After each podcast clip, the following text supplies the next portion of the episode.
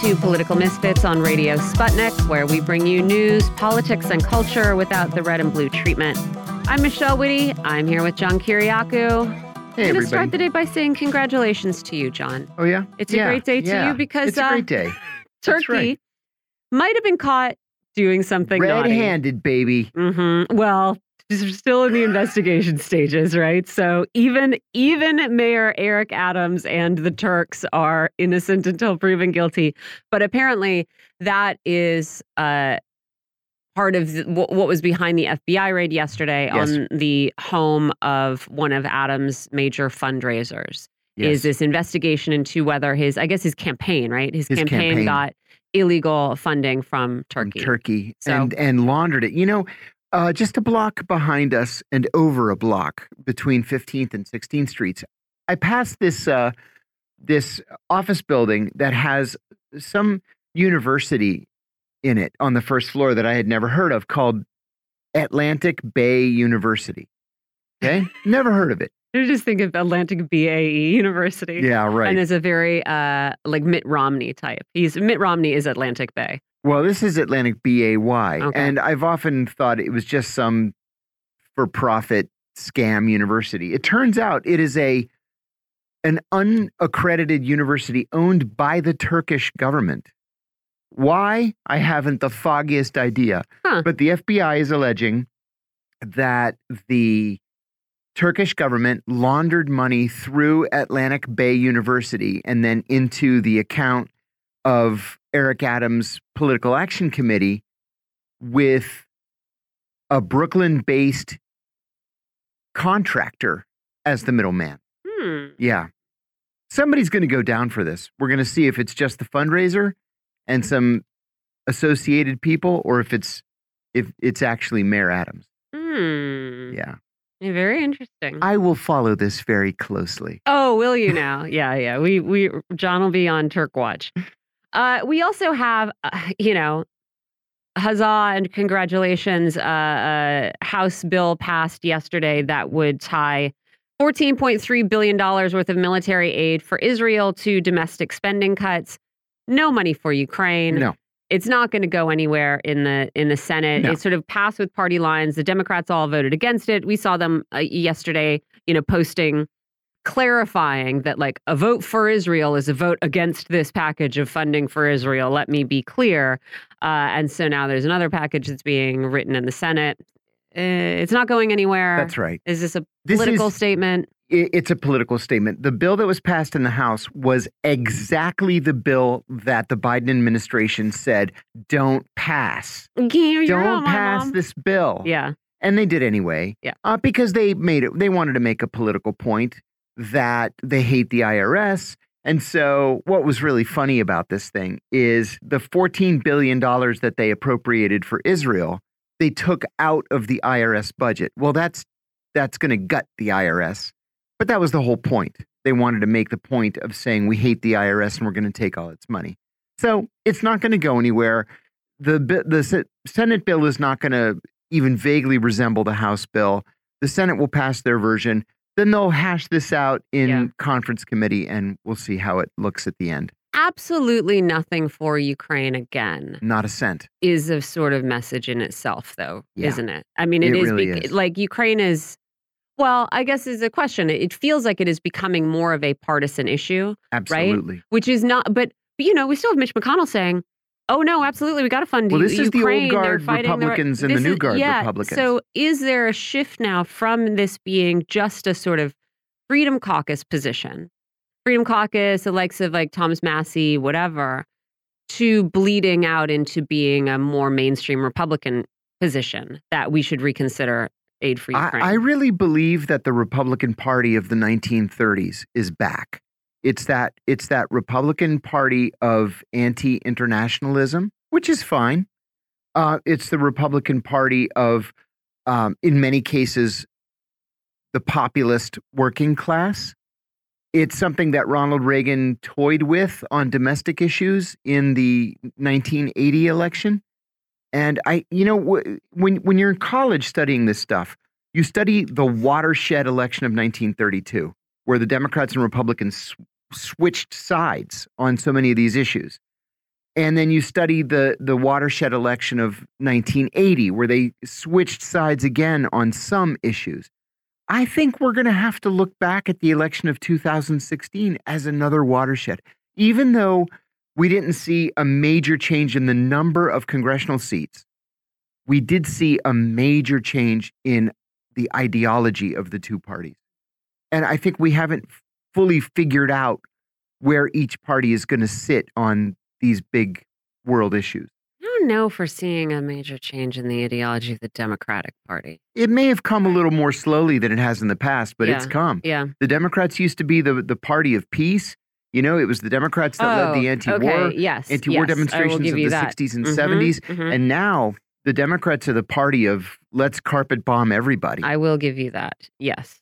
Yeah. Yeah. So that will be interesting to watch. Uh, we are also going to talk about the two big speeches we heard earlier today. Well, one one more anticipated than the other. Antony Blinken, you know, has been jetting around giving speeches all over the Yeah. place. The U.S. Secretary of State, as I said, he spoke in Tel Aviv. The leader of Hezbollah spoke in Beirut. Uh, what they said, I think, was pretty expected. And what they didn't say, I don't know, is well, well, yes, I will say what they didn't say is guaranteed to be disappointing in a lot of quarters. But it was a lot. I think nothing very surprising, No. unless I've missed something No. out of out of both of those speeches. But we will talk about them.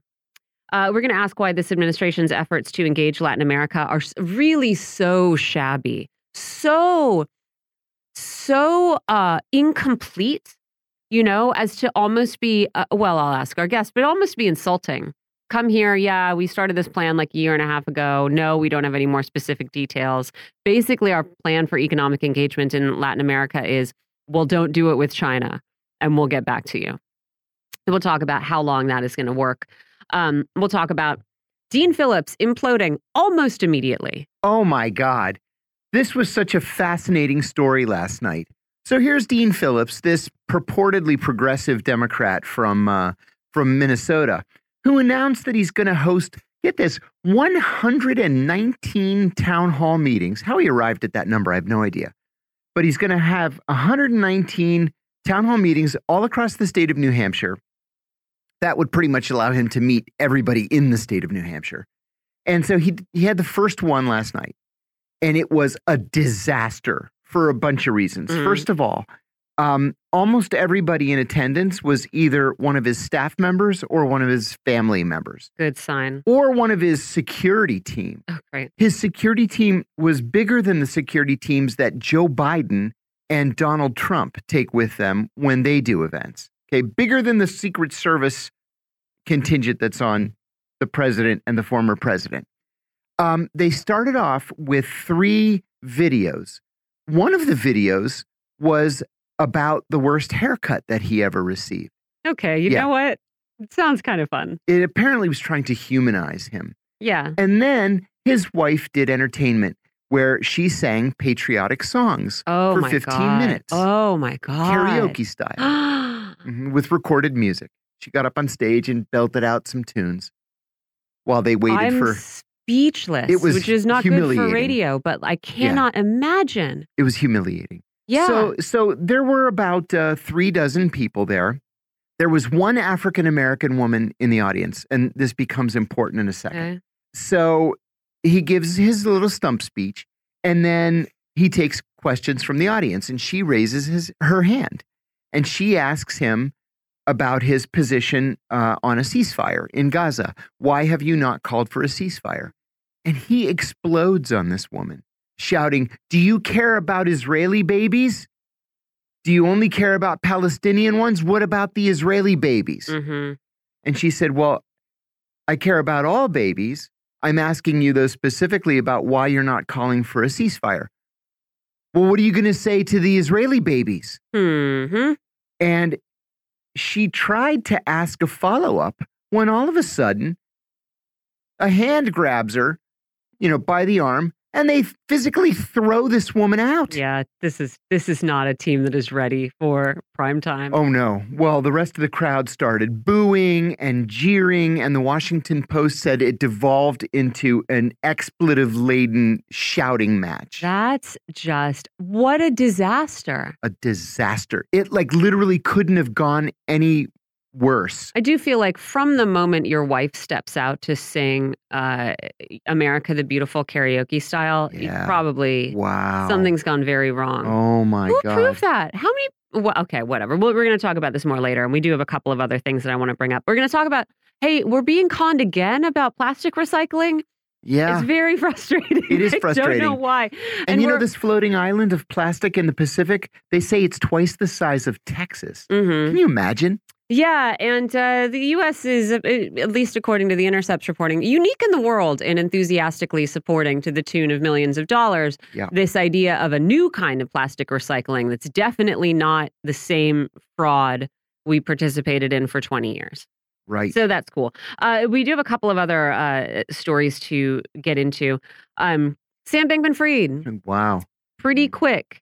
Uh, the jury deliberated for just a couple of hours and came back with uh, guilty verdicts. He was found guilty yesterday of stealing billions of dollars from the customers of FTX in what prosecutors called one of the biggest financial frauds in U.S. history. Yeah. Which is at least a, a superlative for him. And he he faces 118 years in prison. Yeah, he was convicted on all seven counts. The sentencing isn't going to be until March. Right. That's normal.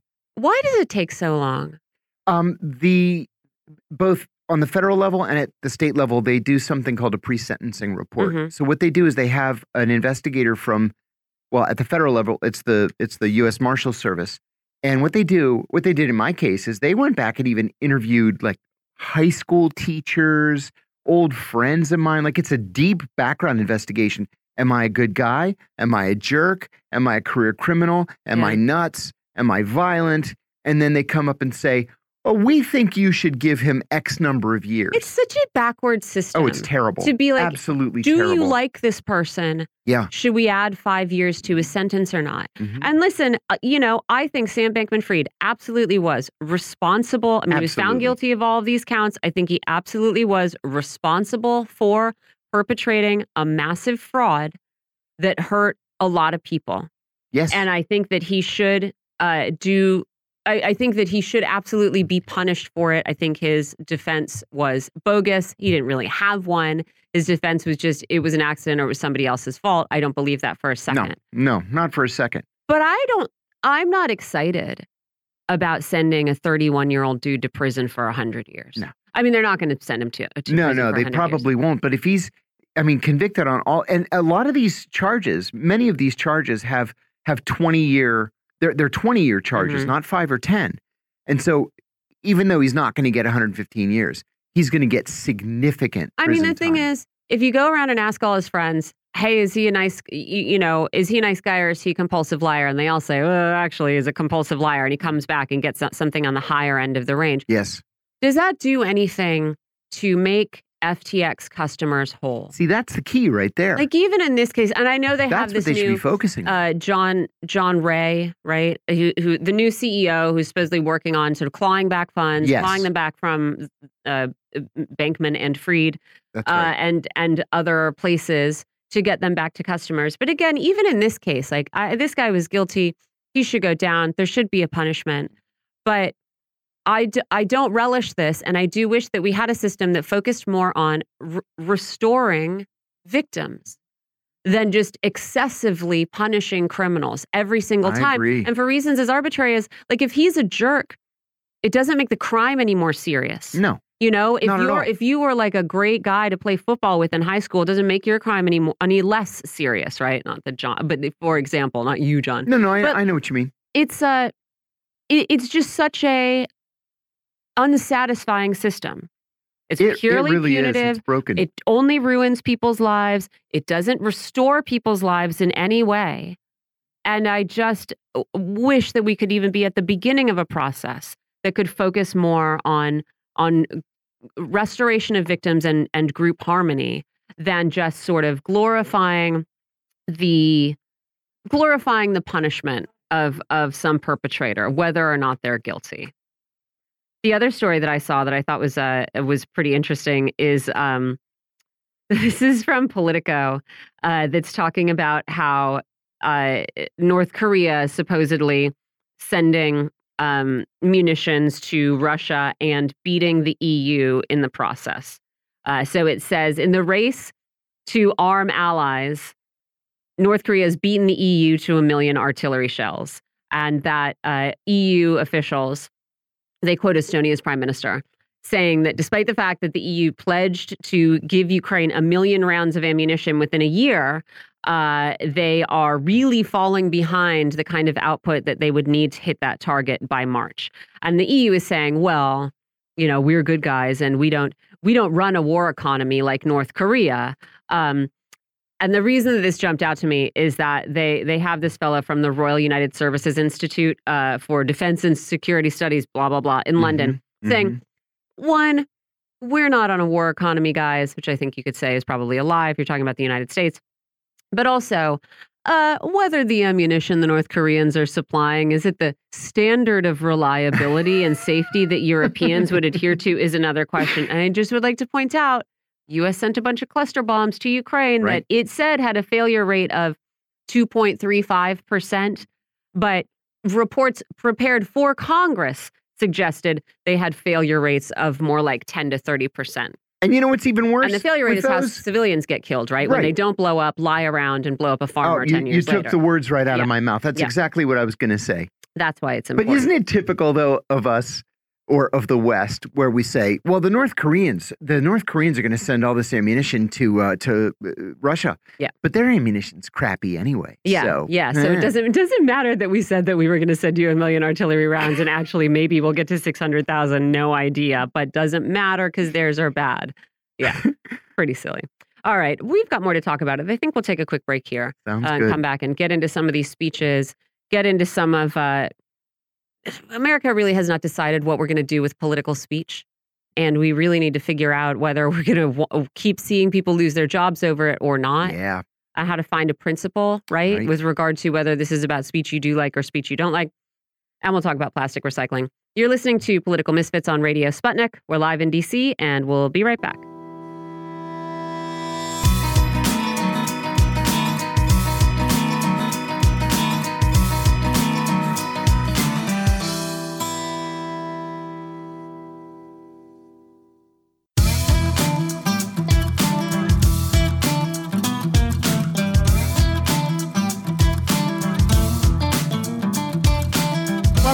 To Political Misfits on Radio Sputnik, where we bring you news, politics, and culture without the red and blue treatment.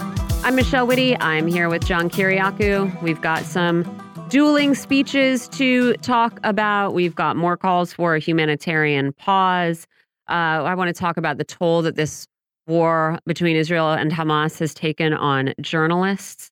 Um, and uh, we'll see if we have time to talk about Joe Biden today quietly hosting a bunch of Latin American leaders to uh, yeah. hash out this initiative that was launched more than a year ago that still doesn't really have a framework or any specifics no. behind it. No. And you think that this would be like a, a, a beacon policy? You know, yeah. something that we would all want to zero in on, Especially focus on as a country. There's such, uh, you know, panic over migration right now. That's right. We should be working as hard as possible to strengthen their economies. Yeah. Oh, we're going to talk about all of this with Ajamu Baraka. He's an international human rights activist. He's an organizer. He's a political analyst and the national organizer for Black Alliance for Peace. Thanks for joining us, Ajamu. Good to be back. Thank you. Let's start with these two speeches by U.S. Secretary of State Antony Blinken in Tel Aviv and by Hamas leader Hassan Nasrallah in Beirut. Nasrallah's speech was long, as usual didn't seem, there wasn't a whole lot, I think, that was unexpected, right? He expressed support for Hamas, condemnation of Israel. He did essentially call for a ceasefire in Gaza. Uh, as expected, you know, he said, uh, uh, Congratulations to Hamas. We didn't know anything about it. Uh, this is all their operation. He defended Hezbollah's actions so far, saying, there is a Lebanese front to this war. It's not a limited one. It's an it's an ongoing targeted conflict. It's dragging lots of Israeli resources and manpower away from Gaza. I don't know uh, what kind of support Hamas might have wanted or expected from Hezbollah, but I wonder if you think that uh, so far that this is it and that they'll be satisfied with this. Well, I, I suspect that they wanted a, a, bit more. I mean, it is true that there is an ongoing conflict there, um, and that the it's been uh, a, a, conflict that has is characterized by uh, military exchanges and um, but I think that the Palestinian resistance and Hamas in particular uh, are hoping that there'll be a more aggressive response, a, a deeper penetration into, or, or, an attempt at least to address the uh, the existence or the presence mm-hmm. of Israeli soldiers uh, along the border and actually in parts of, of Lebanon. Uh, so I think there may be some dissatisfaction with that, but I think the Hezbollah is very much concerned about, you know, the domestic situation in Lebanon, um, and would like to avoid a, a deeper commitment uh, since the situation that they're facing and the situation facing Lebanese citizens are so so uh, unstable right now. So, mm-hmm. but it, it's putting but there's significant pressure on Hezbollah to, in fact. Uh, to be become more aggressive, not just from Hamas, but also from elements in, in, in Lebanese society and from elements across the so-called Middle East. Uh, people are really outraged by what they uh, what they see, and and I think many people are concluding that with the diplomatic channels being blocked by the U.S. and what he raised and the criticism that he raised was in fact true, uh, that when you have the U.S. blocking any attempts to come to a ceasefire or to have a more effective humanitarian corridor, it's quite clear that uh, the U.S. is fully uh, implicated in the slaughter of Palestinians. So, um, but it, it's putting tremendous pressure on on everyone to act. Uh, and and to act at this point, it seems, in a military fashion, since the diplomatic and peaceful channels seem to have been preempted. Yeah, he also had a, a, lot of words for the United States. Again, not anything unusual. I did say the United States is completely responsible for the war in Gaza. The, the United States is what is preventing a ceasefire there, preventing the condemnation of Israel at the UN. That and you know the, the, the United States is responsible for uh, most of the massacres we've seen of the last few decades. And he said, uh, you know, basically saying America is being held accountable for these things in the way that American positions in Iraq and Syria are are being attacked and have been under attack for the past month. I wonder. I, we had these reports yesterday that the U.S. military is flying surveillance drones over Gaza, and so of course we are we are Israel's uh, biggest and most fervent backers, although they are not alone in the world like uh, the United States kind of likes to pretend. And we are, of course, financially supporting this war. But uh, these drone flights make that a little bit more direct. And I do wonder if you think, as people, you know, I feel like if this if this slaughter in Gaza is doing so much to shift public opinion, um, or to highlight how much public opinion has shifted on Israel and uh, and Palestine over the last couple of years, I wonder if the United States is going to start to see more blowback as it is seen as the sort of direct facilitator of this kind of violence? Well, I think that the blowback is going to be political blowback in the sense that the U.S. has will have well, it has no credibility. Uh, it has no ability to use the weapon of humanitarian intervention. Uh, the defenders of human rights uh, that uh, that rhetoric uh, can still be used, of course, to galvanize uh, domestic support for imperialist policies to a certain extent. Uh, but in terms of, of the rest of the of the real world outside of the ten percent that represents Europe and, and the U.S., it, it's quite clear uh, to everyone who the real perpetrators are in this conflict and and most of the conflicts that have occurred since the end of the Second Imperialist War that we refer to as World War II. It is, in fact, the, the U.S. and the U.S. empire, along with their uh, vassals in Western Europe, uh, first attempting to try to maintain their colonial possessions, and then secondly, uh, to consolidate and expand the uh, the power of, of Western imperialist capital uh, through war, subversion, assassination, um, uh, sanctions, and all of the tools they have readily available uh, to, in fact, do that. I mean, there's no, there's no, it's not, it's not a, a, a mystery why, why international polls, when they ask the international public to identify this, the state that they see as the biggest threat to uh, global peace, the U.S. wins hands down every time they have that poll. So what is actually happening now is that public opinion in the U.S. is beginning to catch up with the rest of the world. People are, people are beginning to understand that they, in fact, live in a rogue state um, and that they're not the, the good guys, and they definitely are not innocent. And that's what some of the points that were made by the leader of Hezbollah uh, today. And, you know, unfortunately, some of that, uh, is, you know, sounds very, very, in fact, accurate. You also write about how, I mean, if this is potentially you know, the, if the blowback is going to remain political, I think we uh, should consider ourselves lucky. But you write that there's a.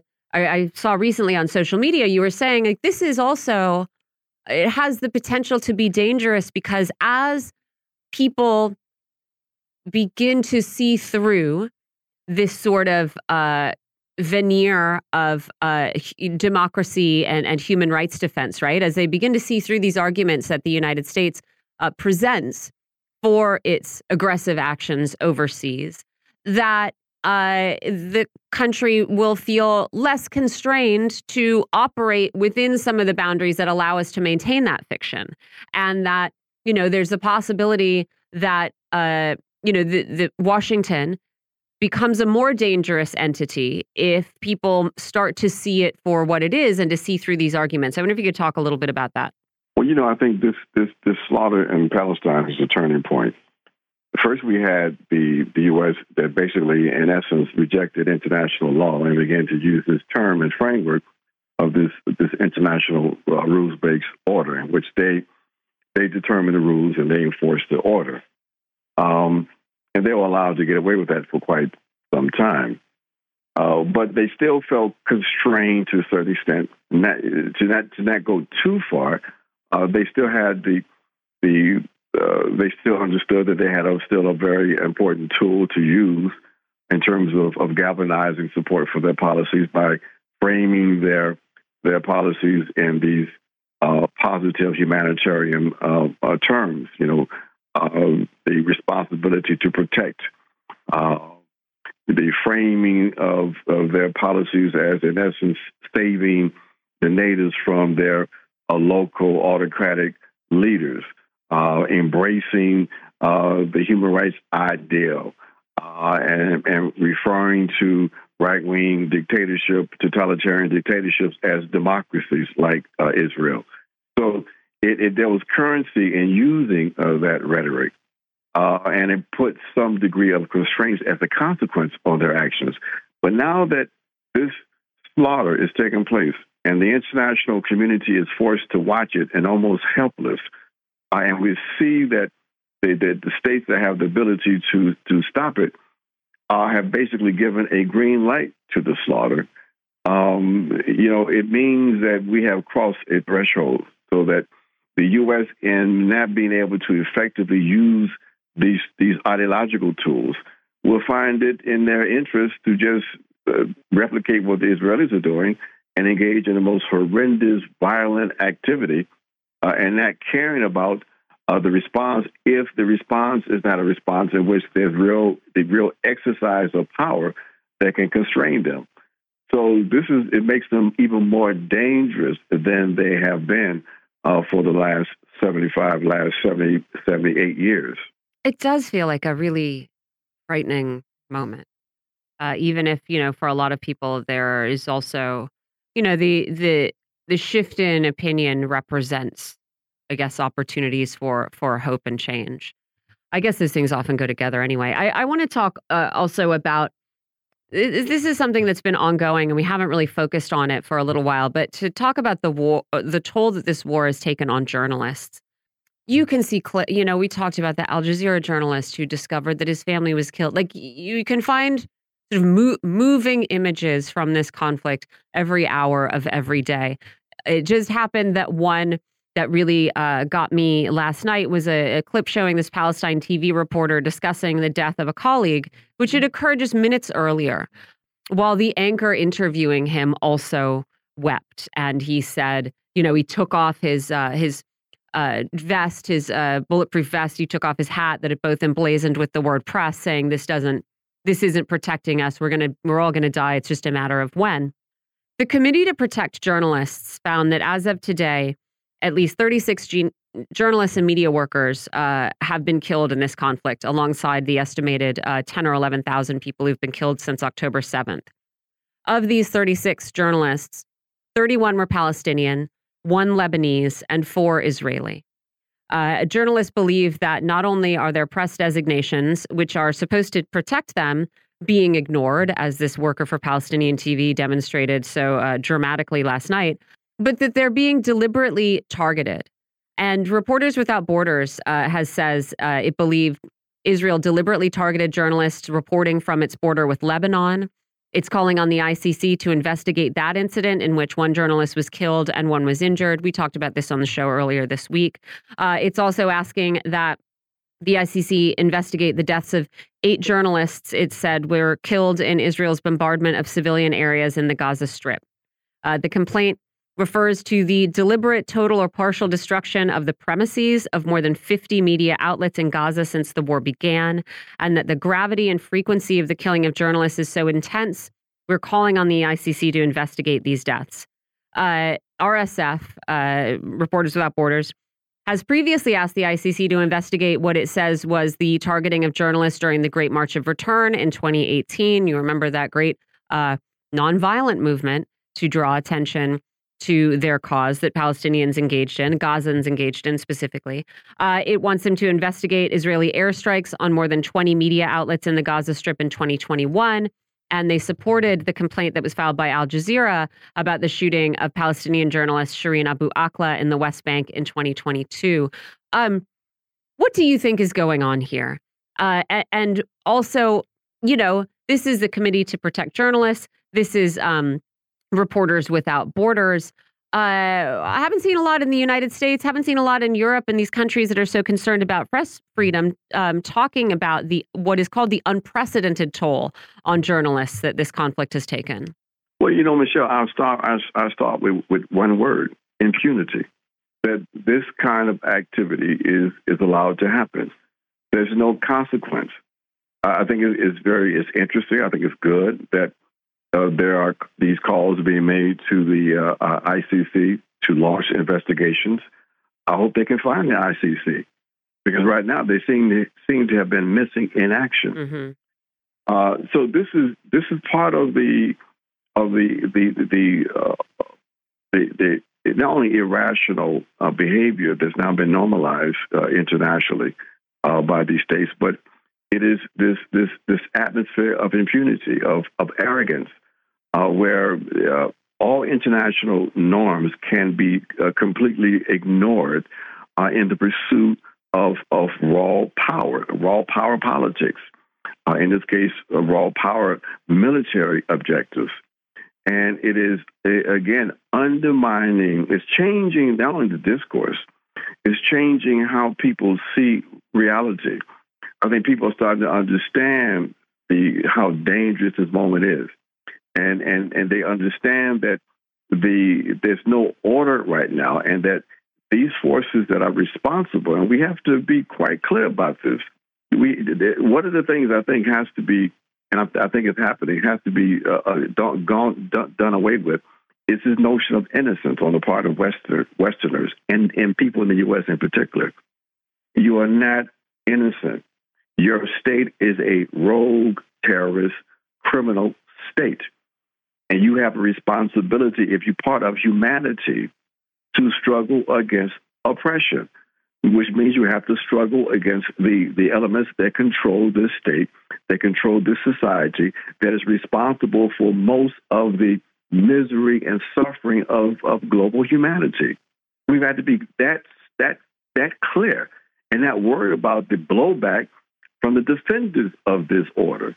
So this this this the, the treatment of, of these journalists who are serious journalists as opposed to the propagandists uh, pretending to be journalists in the West, you know, they are bearing the brunt of their attempt to try to bring information uh, uh, to the public.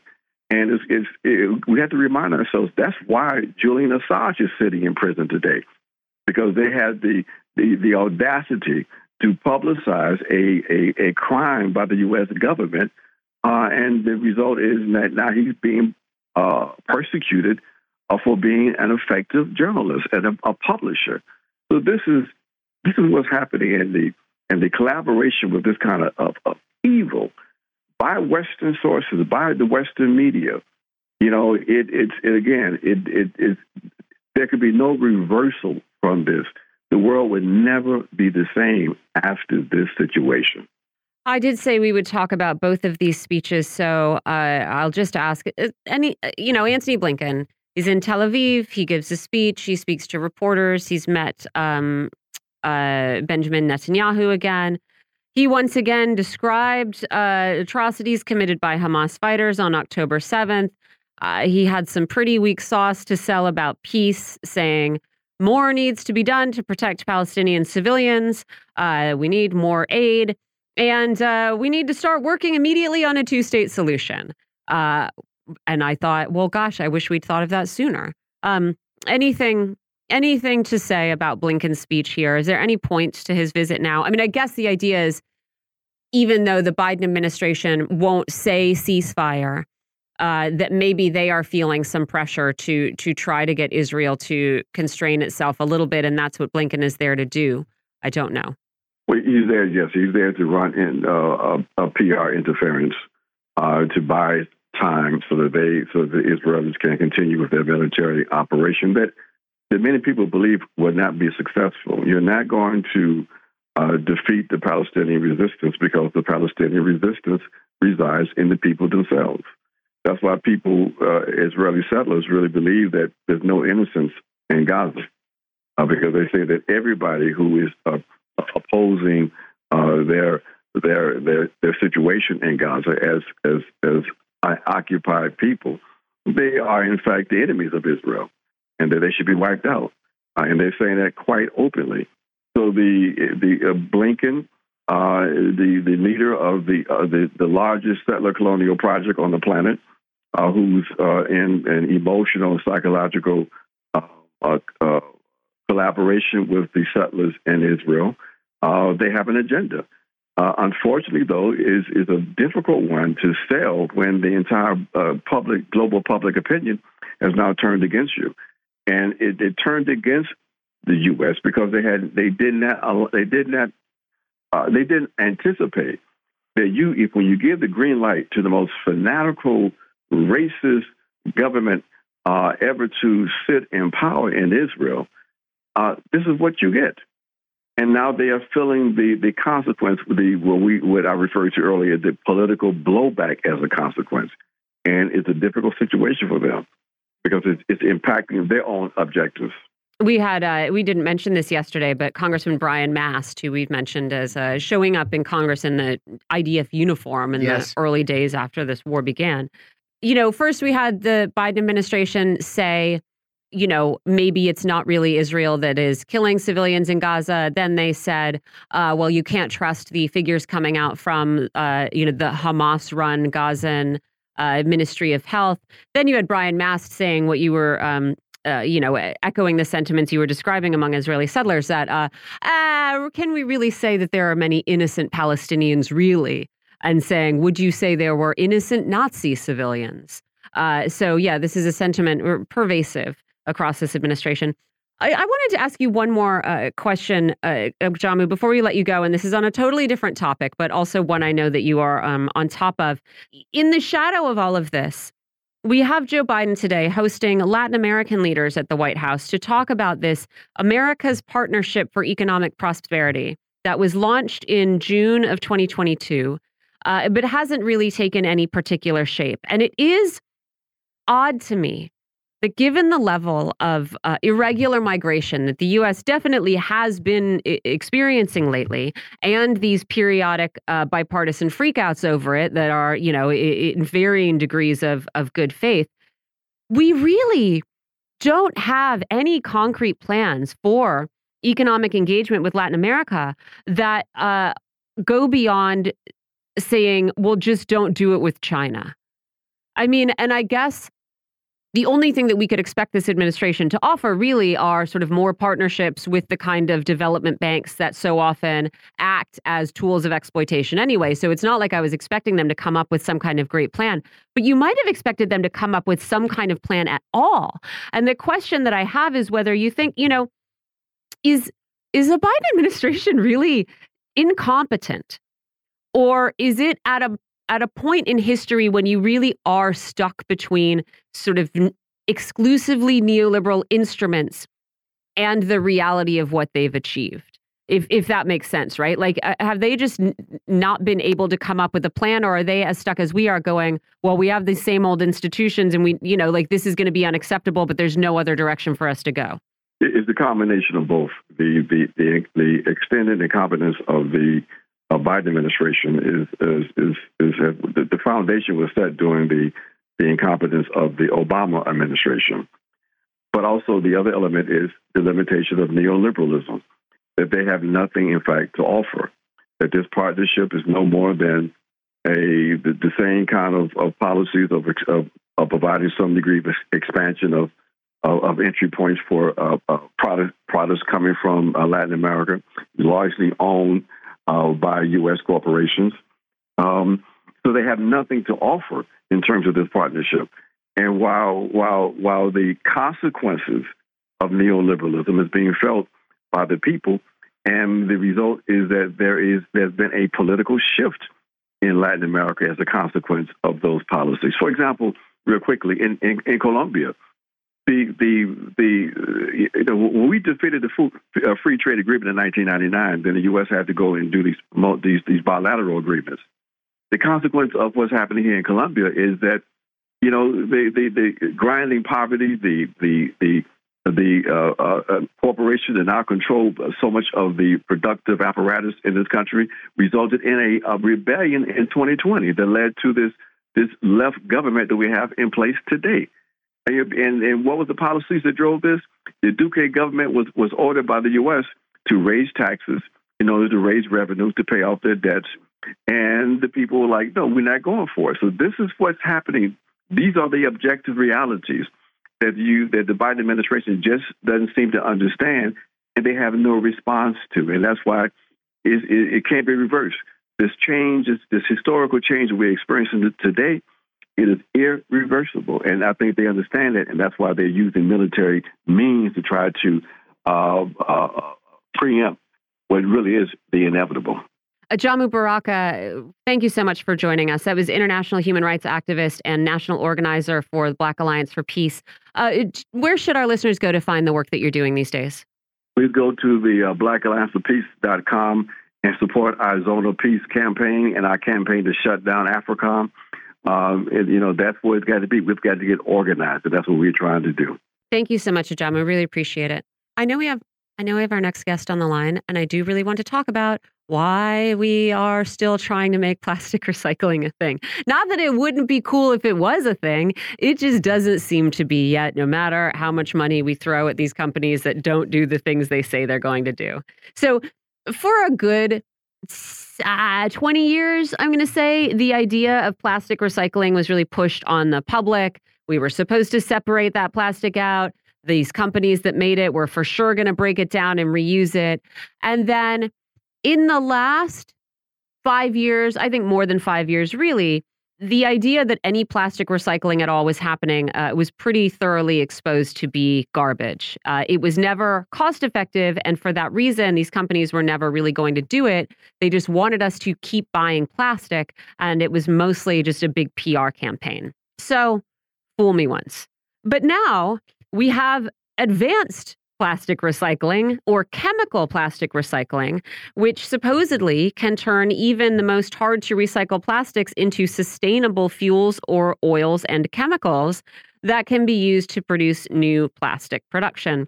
And apparently, these new kinds of plastic recyclers are already getting millions of dollars in public subsidies, even though they don't seem to be doing very much plastic recycling at all. Uh, this is a story in The Intercept, and I, I mean, it just seems so blatantly fraudulent that I wanted to talk about it. Uh, and so, helping us work through it is Guy McPherson. He's a scientist, he's professor emeritus of natural resources and ecology and evolutionary biology at the University of Arizona. Thanks for joining us again, Guy. Does this differ, this advanced plastic recycling, does this differ at all from the old fake plastic recycling? Well, I'm going to repeat something that you said just for emphasis. advanced plastic recycling, which is also known as chemical recycling, is used to describe a variety of approaches that can supposedly, emphasis on supposedly, I don't know how I can put more emphasis on this, but it can supposedly turn even the most hard to recycle plastics into, quote, sustainable fuels or oils and chemicals can be used in new plastic production. But there's a new 159 page report released three days ago by Beyond Plastics and the International Pollutants Elimination Network. This report casts serious doubt on the technology's ability to make even a modest dent in the world's growing plastic burden, and it is a burden. In, in the most comprehensive report on chemical recycling facilities in the United States to date, researchers looked at the operation of 11 companies across the country to examine the plastic industry's claim that chemical recycling can significantly help reduce global plastic pollution. Before I go down that path any further, I'd like to take, take us back 56 years to the 1967 Dustin Hoffman film, The Graduate. Mm-hmm. There's a short there's a short telling scene in the film that you might remember. Walter Burke playing Mr. McGuire, takes Dustin Hoffman, playing Ben Braddock, off to the side. The older man tells Hoffman, one word, plastics. In response to Hoffman's obvious confusion, Burke says there's a great future in plastics. Well, those were the days. 56 years later, it seems the future of plastics has contributed greatly to an enormous mess here on Earth. I don't think it's the future. I, I, I think it's the past. As I indicated, the 159 page report released three days ago casts serious doubt on the technology's ability to make even a modest dent in the world's growing plastic burden. The report describes 10 overall findings and it provides 10 recommendations. And I'd be happy to list those briefly. But before I do that, I'd like you to I'd like to take you back to the late 1960s and early 1970s when my parents frequently reminded me of the three R's of frugal living. In order they were and are reduce, reuse, recycle. We were financially poor when I was growing up in a village in northern Idaho, so we lived frugally back when people thought living frugally was a good idea. I was often reminded that if we reduced personal consumption and reuse items, we would rarely even need to recycle anything. Now, if you'd like, I can quickly run down the list of findings and recommendations from Beyond Plastics and the International Pollutants Elimination Network. I do want you to. I just would like to point out it is interesting how we just keep ignoring the first one. You know, I mean, like the con consistently, and we'll get to this in a second, but consistently, the recommendation on plastic is how about we don't make any more of it, or we make as little as possible and we stop using it. And it feels like, at least in the United States, we just keep going, abracadabra, plastic recycling again. It's the top one, you know? It's like uh, love your neighbor as yourself, you know what I mean? Just skip over that one. But yes, what are these recommendations, Guy?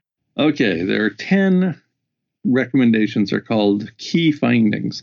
One, chemical recycling is a false solution to plastic pollution. And there's a couple of sentences that follow that that go into the detail, but you can find you can easily find this report online. Plastics are inherently risky to recycle, and of course they are because they're made of toxic chemicals. And when you recycle them, those toxic chemicals end up in whatever you're producing chemical recycling is the is inefficient, it's energy intensive, and it contributes to climate change. And I think we all are well enough aware now that we're in the midst of abrupt, irreversible climate change. Let's not add to the burden that we've already created here on this planet. Item four chemical recycling creates large amounts of toxic waste. And we know where that waste goes.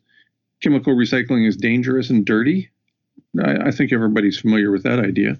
Chemical recycling will not supplement conventional mechanical recycling. It's not a trade off of one for the other. Burning plastic as fuel is dirty and unsustainable from start to finish. Now, I'm reminded when I was living in Central America in Belize. We had neighbors who didn't know that burning plastic was a good idea. It didn't violate the Clean Air Act as it does in this country. So they would just burn plastic. Wow, what a stench. Making plastic into fuel to burn is not recycling. Item nine, eliminating or relaxing regu- regulations puts our health at risk. And the final item in key findings is public funds should support sustainable solutions, not chemical recycling. And I have my doubts about the sustainability of any solutions when it comes to something like plastics, but there you have it. Can you talk? Oh, go on. No, no, there are 10 recommendations, but I think they're all relatively straightforward and commonsensical. So we need not go there if, if we're running short on time or if just it's interesting. I want to get to, um, you know, I think probably anybody who's familiar with the, the history of the sort of PR and then the reality of plastic recycling uh, will will look at this, you know, advanced recycling and have a lot of reservations. What is telling to me is that the US appears to be a global outlier in its support for the idea of advanced plastic recycling and its um, funding of it. So, this Intercept story notes that at the 2023 Basel Convention, which is the major international decision making body on uh, the movement and disposal of, of hazardous waste, at this convention, Delegates rejected the idea of including chemical recycling in global guidance on plastic waste management on the grounds that, despite 50 years of operation of these technologies, no empirical data was presented to demonstrate that they met the criteria for environmentally sound management.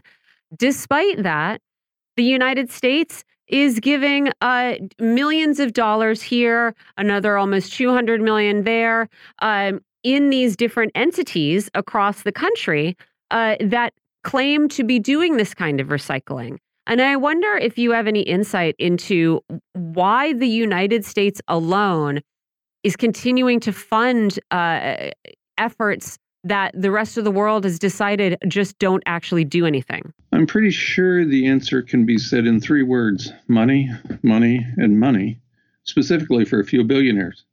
As nearly as I can tell, that's the goal of the federal government in this country to further enrich a few billionaires. That it applies to plastics is no surprise. Is it really? I mean, after all, we were told 56 years ago and a few thousand times since then there's a great future in plastics. Or to reduce the whole stinking mess to one word, as Mr. McGuire did plastics with an exclamation mark on it.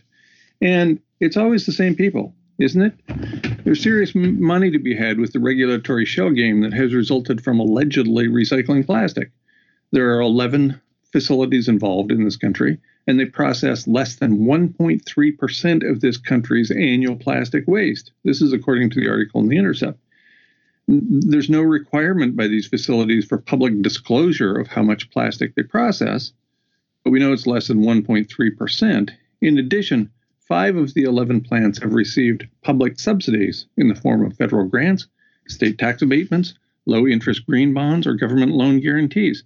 It's always the same people Bill Hicks had a great skit about the 12 industrial um, words you can't say on television that run the world. and it's always it's always those same relatively few people who are making billions of dollars off one screwed up process after another. And that's that's all that this looks like to me. And the 159 page paper uh, that was produced in response to this mess by Beyond Plastics and the International Pollutants Elimination Network.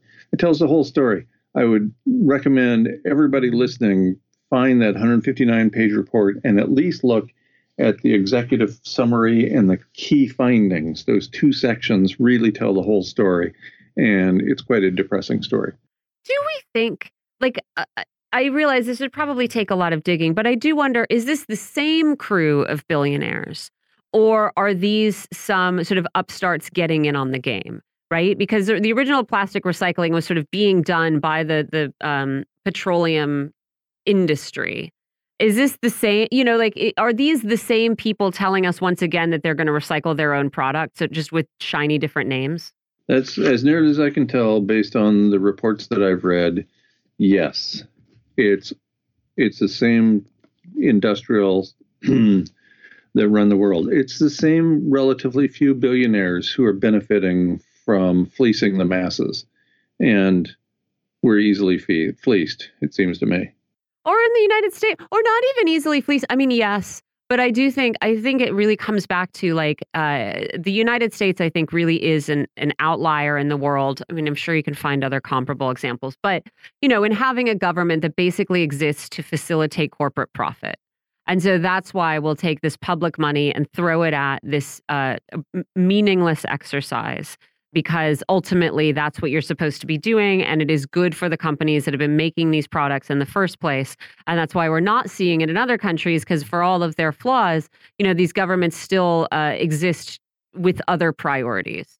Back about 75 or 80 years ago there was um, an italian leader named mussolini who pointed out that the the strong ties between the government and the corporation that's what dis- defines fascism are we ready to admit it yet folks yeah. Um you not not yet, not as many people as need to be, I guess. Yeah. Guy McPherson, thank you so much. I really appreciate your uh your time. Is there anywhere listeners should go to find the work that you do? Yes, go to guymcpherson.com and that will end up with this being posted as well as all the work I do. GuyMcPherson.com, no A's in McPherson.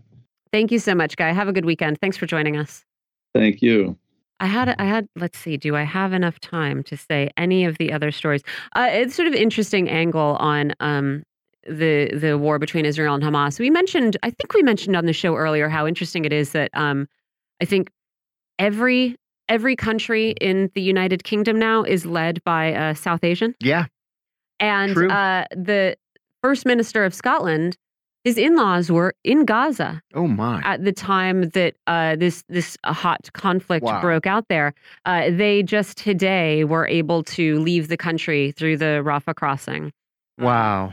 Yeah, they were stranded there. They ran out of clean water earlier this week. He posted today that they have been able to get out, and he has been making better statements than uh, the English prime minister has been making, I will say, on the situation.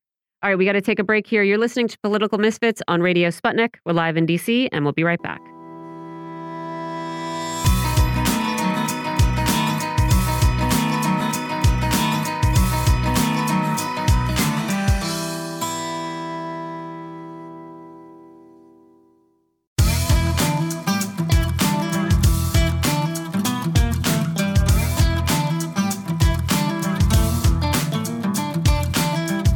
Welcome back to Political Misfits on Radio Sputnik, where we bring you news, politics, and culture without the red and blue treatment. I'm John Kiriakou, here with Michelle Witte.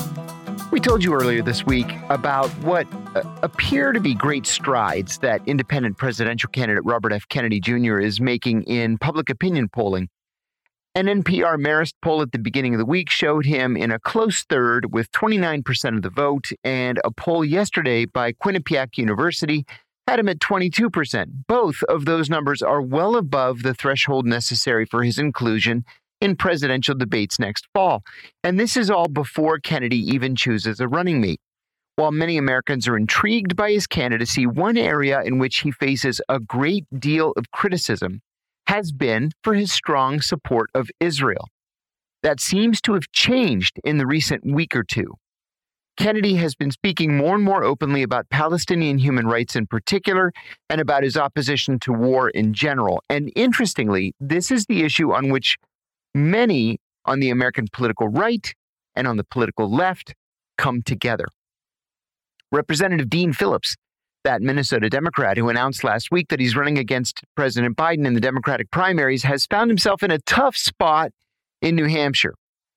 The Washington Post reports today that Phillips' first town hall meeting in New Hampshire, quote, went off the rails, unquote, in the first of what he calls 119 town hall meetings across the state.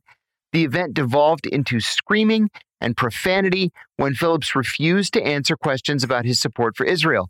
he faced further criticism when the only African American woman in the audience was unceremoniously thrown out just because she asked him about Palestinian human rights. And Phillips answered every question about human rights with a defensive rhetorical retort Do you care about Israeli babies? He repeated that several times. And all of that is beside the fact that Phillips had more security at the event than Biden or Trump do at their events. And most of the crowd was made up of his own staffers and family members, with his wife opening the event by singing patriotic songs. I, I cannot. I, I, uh, it is. You know, I wonder if he just said, let's have some fun with this and just, I guess. I mean, karaoke nuts. is really fun. I don't know. It's weird. It's Well, weird. karaoke's fun. It's weird to have your wife sing songs at the start of your campaign Yeah, event. it truly, is. truly is. I totally agree. Like delusions of grandeur, kind of weird. yeah. That's, I think, what I'm trying to put my finger on. Yeah. New York City Mayor Eric Adams appears to be in some trouble. The FBI raided the home of Adams' chief fundraiser yesterday morning as part of a federal investigation into whether the Adams campaign received illegally funneled donations from the government of Turkey. I'm not calling it. Turkey. It's You- Turkey. You don't have to. The Justice Department is alleging that the Adams campaign received illegal donations from the Turkish government that had been funneled through a Brooklyn construction firm and through a tiny Washington, D.C. university called Bay Atlantic University that is owned by, you guessed it, Turkey. Adams bragged during the campaign for mayor that New York City had never had a mayor who was as close to Turkey as he would be, who had visited Turkey as many times as he had, and who had attended as many Turkish and pro Turkish events as he had. We'll see now how his neo Ottoman friends get him out of this jam. It's so, so funny. I don't think you remember when he was running for Hmm. mayor, he went to this Turkish National Day celebration and gave this speech about how great Turkey was. And the New York Times noted that that no mayoral candidate had ever done this before. That New York is like packed with Greeks, right? Mhm. And if you want to win, you have to you take pictures with the archbishop and you go to the Greek National Day parade, which is on Fifth Avenue. They closed Fifth Avenue on Greek National Day. And this guy's all about Turkey. Guess he proved you wrong, though, because he did win. He won. I Mm. wouldn't have voted for him just because he's a former cop, but that's just me. To me, this is the icing on top. Well, either way, we're joined by the always excellent Dr. Aaron Good. He's a political scientist and host of the American Exception podcast on Patreon. He's also the author of American Exception, Empire, and the Deep State, and the co host with David Talbot of the Devil's Chess Club podcast. Aaron, welcome back. Always great having you. Thanks, John. Great to be here. Thanks for joining us. Let's start with the surge in support for independent presidential candidate Robert F. Kennedy Jr. Aaron, his numbers have been incredible, and they've been at a level that we haven't seen for an independent presidential candidate in 32 years. And I'm talking, of course, about Ross Perot, who spent money like he could print it in his basement. Kennedy doesn't have that kind of money. Uh, to what do you attribute this surge in popularity? Or maybe it's better to ask why the surge happened after he left the Democratic Party. Well, I think that there are a good number of people in the U.S. who recognize that both of the two major parties are totally corrupt um, and that they are that they exist to perpetuate, um, you know, the dominance of uh, corporate um, corporate forces over society, and that they really give us not a democracy but a form of top-down minority rule by uh, an oligarchy of corporate wealth. And so Kennedy is uh, speaking to that by, by and large, with pretty much all of his positions on the on major issues, with the exception of Israel, of course. Uh, and on that of late, he has at least been the best by far of the three major contenders uh, on this issue. Simply by not saying anything. They're all saying bad things, and he's he's stopped talking about this uh, very much directly recently. And we we we expect him or are hoping or suspect that he will make an announcement soon about a a proposal for the Middle East or what his position may be, uh, because his current position or his earlier stated position about you know kind of unconditional support for Israel is uh, is got to be reevaluated. It's not really in accordance with what he says about how he wishes to continue his father's and uncle's uh, foreign policy ideas and his uh, you know his desire to to uh, end the U.S. empire or to wind down the U.S. empire and make the U.S. beloved around the world. Uh, his Israel policy is is in direct contradiction to his other main goals uh, especially of world peace and, and restoring democracy to the U.S. because two thirds of the public wants a ceasefire. Yeah. So it's to me, I think it's amazing that it's about as the Israel thing was about as bad as anything that could have happened to him over this over this time period. Uh, and yet he has still picked up support during this. Uh, that to me is encouraging for his long-term prospects, but so much hinges on what happens in Israel and what he uh, said, what happens in Israel Palestine, and then what positions he takes on it. You know, I want to explore that a little bit more deeply because I agree with you. I think this is a very, um, it could have been a very difficult time for him, and he seems to have handled it. So, to me, the, the big news is that Kennedy has changed his position on Israel and peace. At least he seems to have changed his position since the start of the war. The Kennedy Beacon, that's the online paper that is seen as RFK Jr.'s uh, mouthpiece, has a terrific article by Jeff Sachs that lays out his new position. Kennedy had taken a lot of heat from the left, especially for his unwavering support for Israel. And he's the one who used the word unwavering. Now it's not unwavering. So tell us about this change and about what he has been saying recently about Israel. Well, the Kennedy Beacon is a super PAC, so it's not tech, uh, officially affiliated with the campaign. Right. They don't really coordinate with the campaign. They did post a art, the article from Jeffrey Sachs, who has written for the Kennedy Beacon and who endorsed Kennedy. Now, this was a Common Dreams article originally, and Kennedy Beacon posted it, and then they took it down and I'm not sure why. I, I write for them as well, and I do the, the weekly podcast for them, and I'm not sure if they took it down because ah. of uh, uh, the one of the editors deciding that it was it wasn't well received by people. There were a lot of comments about it, but that's kind of the case for anytime anything goes up about Israel. They just have an army of online. You know, I, I think that they're paid mostly people that just tell you the most boring Israel propaganda. And that's why if you go into comment threads, you see like, oh, Israel's uh, justified, justified all its way. But then you look at opinion polls, and even despite all the propaganda, like, for example, now two thirds of the U.S. public wants there to be a ceasefire. So what's going on in these comment threads? For whatever reason, they took it down, but I'm not sure that we should read too much into that. Okay. I think it could be a matter of not wanting to get too far out in front of the candidate. Uh, and I'm really hoping that he does end up having Sachs be his point man on this because he calls for something more sensible a ceasefire and a, and a resumption of the peace process. Even if the two state solution doesn't seem uh, viable at this point, at least a ceasefire and you talk about it. And I think at some point, the Israelis would need to either accept a two state solution imposed upon them and then seriously have a, a massive globally financed and, and UN administered program of, of, of, relocating these people out of the, the, territories in the West Bank and the huge settlements they built, if that's feasible, or if not, a one state solution. Uh, and it seems like the only way that they could get a two state solution potentially is if the threat of a one state solution was like right there uh, as an immediate you know consequence if they don't implement a two-state solution. So this is uh, something he's had to f- finesse or deal with, and I'm really hoping that sometime you know next week or sooner the better, he will come out and clarify his position. And uh, it will. Uh, some people like us on the left. I mean, I know people that are close to Kennedy that have tried to reach him over this issue, and a lot of people that have known him for years or decades even have contacted him and said, "What have you done here?" uh, with Israel, you've got to you've got to change this position. So now it seems like the political thing and the morally correct thing are aligned, and it also co- uh, corresponds to what his foreign policy approach is in general. And we're all just hoping that uh, he he does uh, he does the right thing. Amaryllis Fox, who is Kennedy's daughter-in-law and now his campaign manager, is a former CIA analyst. She took over the campaign a couple of weeks ago when Dennis Kucinich, the former congressman from Ohio, uh, resigned. Amaryllis has floated what many observers think is an odd idea to relocate Palestinians to the Sinai Peninsula.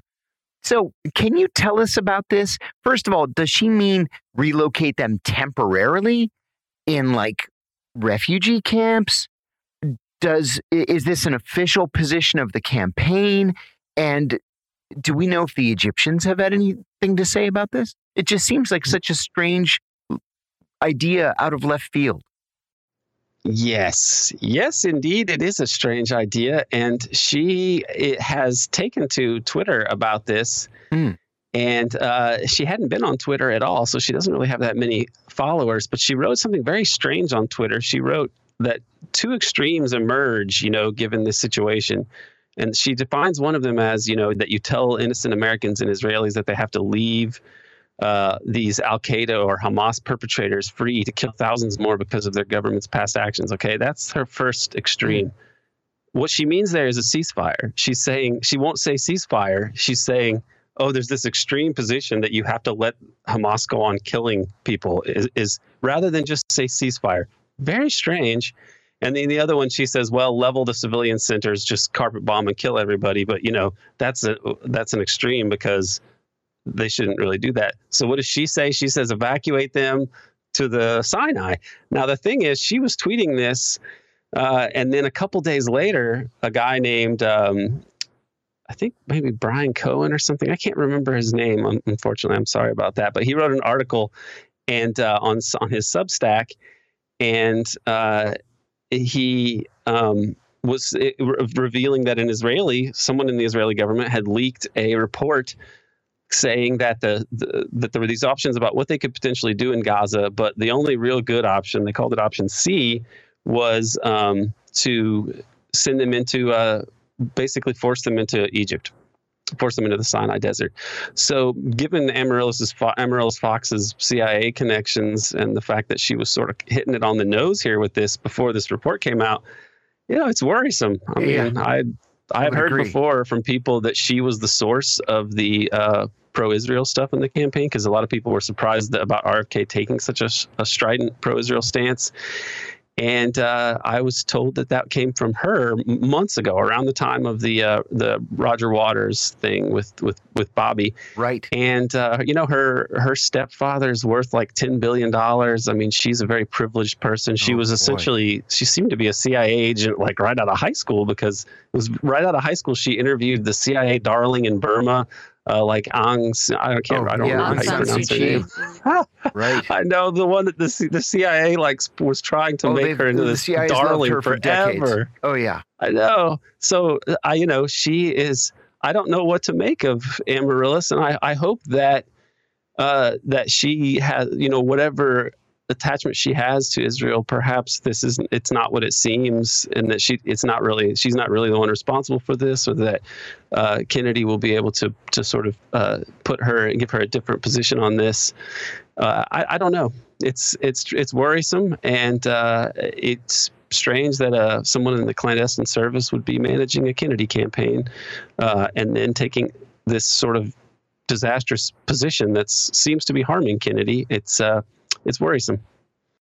Dean Phillips's candidacy for president seems to be going nowhere fast. You know, this this post article last night was so well written. I felt like I was in the room watching his whole future fall apart. The first of what he's billing as 119 town hall meetings in New Hampshire devolved into this screaming and swearing match with attendees and his very large security contingent got involved.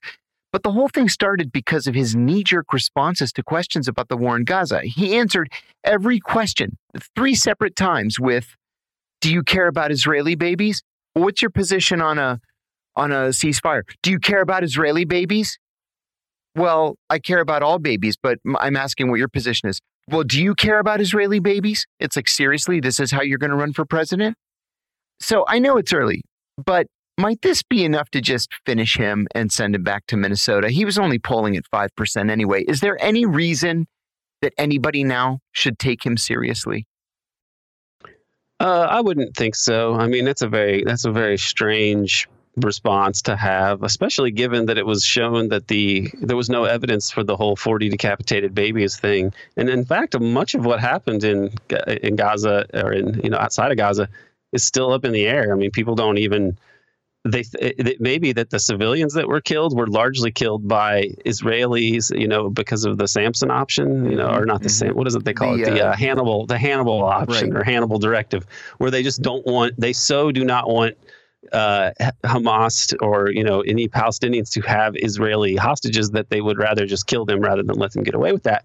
Now, from a tactical position, I hate I have to say that it makes sense that the that Hamas would it would be more advantageous for them to take hostages than to massacre civilians. So I actually find that if given the Israeli that we do have documentation of the Hannibal directive being a thing and the that they've fabricated things about the babies uh, and that it doesn't seem that it was, was tactically the way to go for Hamas. I don't really know what to even make of the accounts of what happened on that night anyway. I mean, Hamas did attack them, but beyond that, it, it gets very fuzzy. I have to say, it's a third rail, right? And I'm not doing any independent research. And so we haven't sort of talked about it, but I find it, I find it perplexing that it's been so long and we don't have a full accounting of the the missing and the dead. Mm-hmm. Uh, we got there was a story in the Wall Street Journal yesterday, not to sort of uh, derail things, but since this has come up, the story in the Wall Street Journal yesterday about how Israeli scientists are painstakingly, um, you know, working with remains to identify, you know, the the victims. It's very very sad, but you also think, man, it has been a long time.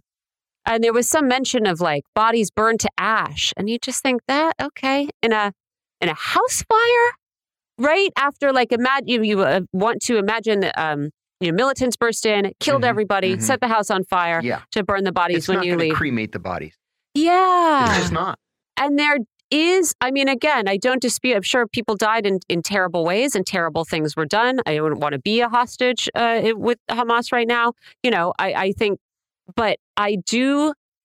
It is surprising to me that there are so many question marks about who was killed and how, and that we get these uh, divergent accounts, like of this uh, German Israeli woman whose body was seen in early videos, who was confirmed earlier this week to have been dead. You have the Israeli um, president, I think, I forget what official saying, yes, unfortunately, she was beheaded. She was beheaded. And then we have her family saying, they found a fragment of her skull, and that's how right. she was identified. Right. We don't have the rest of her. And it's just like there's a lot of obfuscation, I feel like, coming. Mm-hmm. Which is not the same as saying that this was all made up or anything else, but it is starting to get weird to me that this um, uh, this sort of CSI project right. is taking such a long time. That's all. Yeah. And yeah, yeah I think part of it might be because there is uh, an unfortunate number of people who were maybe killed in crossfire. Sure. Or, yeah, and I, I don't know. I mean, I really don't know, but I am glad that there are people looking into it because, um, it, it, you know, you can't go, you can't go anywhere if you're not basing your analysis and arguments on the truth. Right. Well, and I think that that is going to be the other the other issue here that we were that we were talking about. I mean, yeah, this this needs to be resolved and cleared up. But uh, you know, the way it's going, we may have missiles, more missiles flying before we even know what happened in the first place. Which to me indicates that that is that when you look at how Israel has wanted to do this anyway, because uh, to sh- to force these guys out into the desert, and we see that's what they're thinking now, then you really have to wonder about what what stake they have in you know pr- setting the narrative for what really happened in the first place. But the interesting thing is what's happening to these politicians. I think that it's going to be hard for anyone to go out in public these days. Like for once, I, I think that this the internet age it hasn't been all it was cracked up to be. It didn't really bring down the powers that be totally, but it has allowed people to become aware of uh, facts on the ground that they wouldn't be otherwise. We can see pictures of what's going on in Gaza, and I think that more people are finally aware of what is happening with this, what the status quo has been in Gaza, which is that it is a hellish concentration camp. And essentially, what happened was that some people in the concentration camp who have no no hope for their lives uh, and are, are immiserated and uh, poisoned with undrinkable water and everything else and blockaded, uh, that they broke out of their concentration camp and killed some of their tormentors, uh, who are citizens of the state or even you know security officials. Uh, perhaps m- mostly uh, of the state that's in putting them in that concentration camp, and this is when it comes down to it, it's uh, it's not that you have to endorse Hamas or endorse what they did. Mm-hmm, it's just mm-hmm. that when you put people in this state of, of misery and desperation and hopelessness, uh, you you're taking them out of the realm where you could even reasonably expect them to care one yeah. whit about justice or whatever people sitting in, in their you know homes in the in the West are, are thinking about. I mean, it's just the idea that well-off people in the Western world would condemn the way that people in Gaza deal with their concentration camp hell existence is to me just uh, it's disgusting. And I think that more people in the U.S. are becoming aware of this, and it doesn't take that many of them to really make it difficult for politicians to go out and just you know mouth their uh, you know idiotic platitudes uh, like uh, like what this guy just went through. Let's talk about this Suggs raid in New York. Eric Adams has had an inexplicable, or inexplicable to me, love affair with Turkey for years. He even talked about during the campaign. Now his campaign fundraiser, who is also one of his closest aides, has been raided by the FBI, and all signs point to illegal campaign contributions from Turkey, as well as money laundering to get the money into the campaign. So Suggs, the, the, the fundraiser, is in trouble. Do you think Adams is in trouble? Is it even conceivable that Suggs did this without Adams' knowledge? Well, this is uh, a good question. I think maybe they will get to the bottom of this. The Turkey, the Turkish lobby in the U.S. is is really a, a, a largely unknown but pretty amazing and kind of scary thing. Very strong. Back in, uh, in I think it was in 2005, there was a Vanity Fair article by David Rose and he was writing about this uh, whistleblower who spoke Turkish, and she'd worked for the FBI. Oh yeah, her name was Sibel Edmonds. Right, and you know her, John. I'm yeah, sure. I sure do. And the article in Vanity Fair said Dennis Hastert had taken, if uh, the number I believe was two hundred thousand dollars worth of uh, bribes from Turkish sources, and it was essentially heroin money.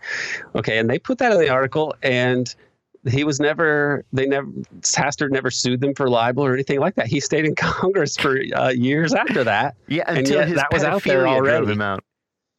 Yes, and Sibel Edmonds, I'd heard her talking about that years beforehand. So she, you know, from her time in the FBI, she knew that he was a pedophile and was was saying things about it on the on her show show on the internet and such.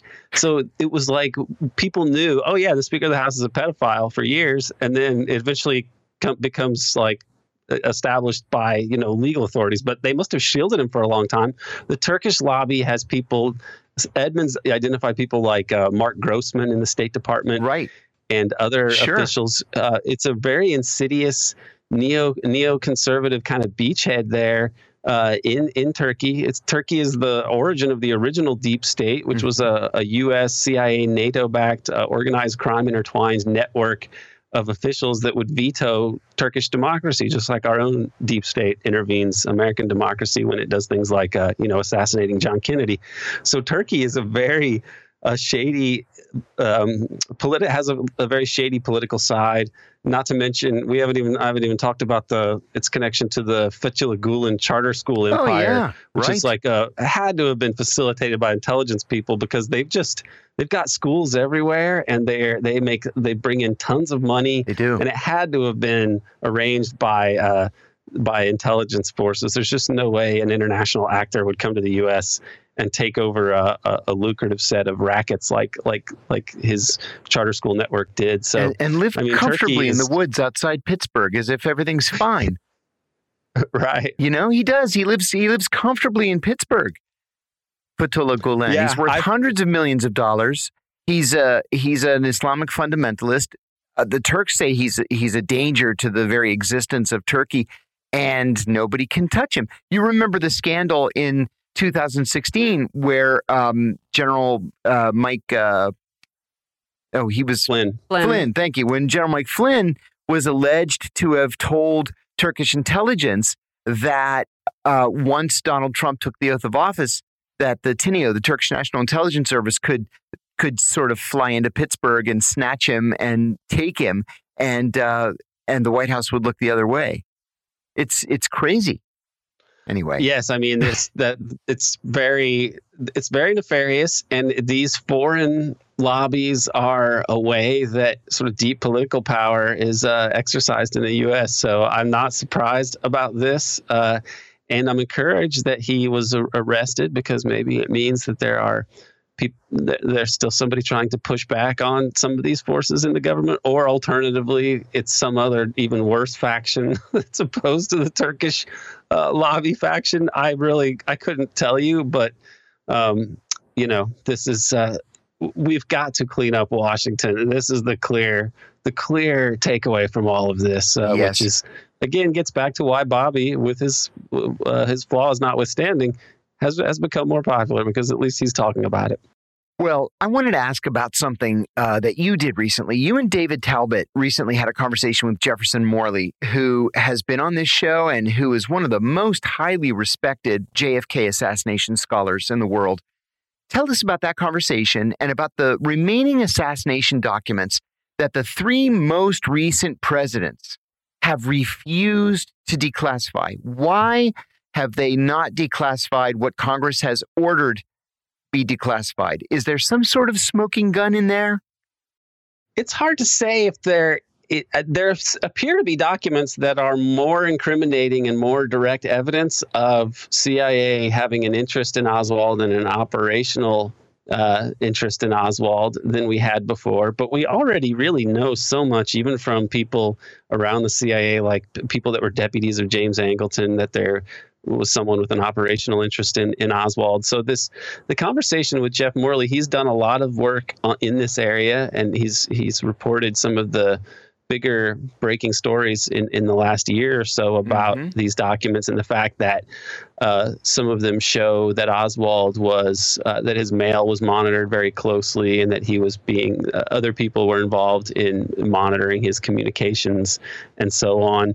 So it's there seem to be some documents that are still there that they have, but you know, this is uh, it's this great black hole of, of U.S. history, and they're in violation of the law. Uh, the JFK Records Act, which oh, passed oh, yes. unanimously after Oliver Stone's movie, required them to release all these things, and uh, by a certain date. And you know, it's decades later, they still have not done it, which to me just points to their guilt. I mean, it points to the guilt of the state. It just tells us who killed JFK. It was the re- the state or the regime, really. I mean, the re- the political science definition of the regime is not just the state itself, you know, but mm-hmm. the all of those institutions that control who has the ultimate. Uh, you know, hold over the state, who will be in command of the state.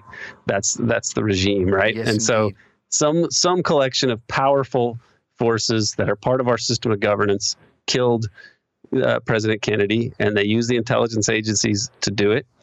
And they are the ones that are still in charge in a, in a sense, or and or people that they pass the reins to. And so, this is where we are. We're kind of in a state of perpetual ignorance or or something because our we, we can't respond to this democratically because there's this anti-democratic sovereignty that prevails in the United States. And until we have some kind of truth and reconciliation process, we are at the whims of these forces. And, you know, now we're just hoping that they don't get us all blown up by uh, starting a war in the Middle East, for example, or in Ukraine or in Taiwan.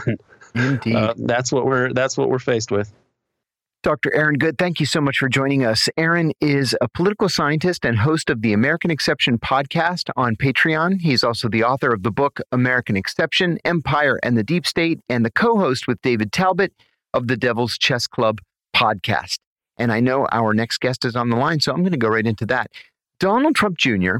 and Eric Trump testified yesterday, and then Eric Trump again this morning at their father's civil fraud trial in New York about their knowledge of and involvement with the former president's financial statements in some of the most significant and tense days of the trial. The testimony comes just before Monday's testimony from Trump himself, which is going to be explosive. Trump is accused of inflating the value of his properties in order to qualify for more and bigger loans to then purchase additional properties. In a case in Colorado, a state judge is considering whether to bar Trump from the ballot there for his role in the January 6, 2021 riot at the Capitol. The judge in that case is weighing whether Trump's actions constituted an insurrection or support for an insurrection, which would then make him constitutionally ineligible to run for president again. But at the same time, just yesterday, the Minnesota Supreme Court seemed to cast doubt on that argument because Trump has not yet been convicted of any crime. A federal judge in Florida signaled yesterday that she may delay the former president's espionage trial, pointing to the multiple other trials Trump is facing, as well as the thousands of pages of documents that his attorneys must go through. That trial is supposed to begin on May 20th of next year, but Judge Aileen Cannon said that she just can't see how that will be possible with so many other demands on Trump's calendar. And Trump's second federal trial, this one for trying to subvert the 2020 election, will begin jury selection here in Washington on February 9th. That will be followed by the trial itself on March 4th. And Trump's criminal trial in Georgia is moving forward, as half of the co defendants already have accepted pleas that involve no prison time in exchange for testifying against Trump if necessary. We are joined by Bruce Fein. He is a former Associate Deputy Attorney General of the United States and one of the country's leading constitutional scholars. And you can find his work at www.brucefein.substack.com. Bruce, welcome back. Thanks for joining us. Thank you for inviting me. Bruce, I want to start with a broad issue here. Is it possible for Donald Trump, or for anybody else for that matter, to face so many different charges in so many jurisdictions at the same time? Is it possible to be appropriately prepared for so many different cases? Legally, no. Uh, even one case, uh, having practiced and with clients, preoccupies your mind. Mm. You got every single detail. You got to be talking to the attorneys. Do you remember X? Do you remember Y? And you have to have your client involved because the client's the defendant. There is no way. and, and, and, and, and Mr. Trump is not disciplined anyway. You know, he's an insomniac and he, he probably spends mm-hmm. more time tweeting than preparing for any of these cases. Um, that he could be prepared. Now, listen, you got jury trial. A jury can acquit for any reason whatsoever. So I believe that his strategy is not a legal one where he knows details. He just will yell witch hunt, witch hunt, right. witch hunt. I mean, that's he, he's just like you know he's got a he's a one trick pony. So he isn't really, he's not going to be able to mount a legal defense. His, his, and, and remember also that being in a, in a criminal case, you don't have to take the witness stand. So, and right. you're not to draw adverse inferences from that. But in some sense, that's an illusory protection because you're sitting as a juror, you can't throw away your brain. You know, you see a defendant accused of all sorts of terrible things and he doesn't take the stand, and yet he's claiming everybody else is a liar. You know, okay, they're going to say, listen, the guy was innocent, he'd take the stand. So there are not a whole lot of people, persons who get acquitted who don't take the stand in their defense. And if Trump did, he'd lie so much. You know, he'll he'll he'll his he'll perform as well as Sam Berkman Freed or whatever. right. Very about hours to come up with a conclusion that he lied through his teeth or his entire testimony. So the fact is, no. Uh, Trump, in my judgment, is he's he's rolling dice there, hoping maybe get one juror someplace to hold out and so it'll be a hung jury. But eh, as, a, as me, as a lawyer, been around a long time, I think the likelihood that Trump will be convicted in certainly one or more of the cases is 100%. You know, I remember during my case, I, I was charged with, with five felonies, and I was so obsessed with defending myself. I barely slept. I was on the internet all night long. That was five. Trump's charged with what is it, 91 or 92? 91 felonies. 91 that, felonies. That, that, doesn't even include the civil fraud case that's ongoing as we speak. Right, right. And is please go ahead. Can I ask it's maybe a dumb question, but like, is there a possibility, if as you say, there's just no way to mount a competent defense in so many places at the same time, are we setting him up for successful appeals? No, because you have to show prejudice. That it's, hey, if he had more time, he was able to do X, Y, Z. He's not preparing for any of them. Okay. Mm-hmm. None whatsoever. So the fact is that um, his only defense is this is a witch hunt. I mean, we know that. That's what he's been saying for ever since November of, of 2020. So there's no prejudice here. Mm-hmm. Um, if he actually was serious about being involved in the case, uh, you know, he comes in, he comes out. He's, he's spending a little bit of time in the civil fraud case, but he, he leaves and goes, plays golf, and does other stuff. Yeah. So that, that argument is a clear loser. And Bruce, how does this kind of scheduling work? And forgive me if this is so far down in the weeds, but between federal and state courts, how how do they coordinate this kind of thing? Do judges just rely on what the attorneys tell them when they schedule trials, or is there communication between the various courts to determine a schedule? An attorney told me yesterday in reference to a hearing um, on February 13th that February 13th is practically tomorrow in legal terms. Would you agree with that? I mean, as, as opposed to where, I mean, I don't know whether it's practically tomorrow uh, in all cases. I mean, some it could be if they're very, very extensive and that's very fast.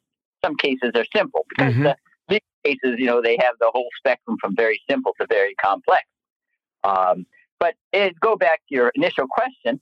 Well, ordinarily, you know, the judge has his own schedule. He says, well, what about X? And he tries to accommodate the lawyers, but the judge can say whatever they want to decide. And the lawyers say, well, Your Honor, I've got X, I've got Y, I have these other commitments, and therefore I'm available on X and XY dates. And then the judge will say, okay, he'll issue an order saying, okay, the trial will begin X.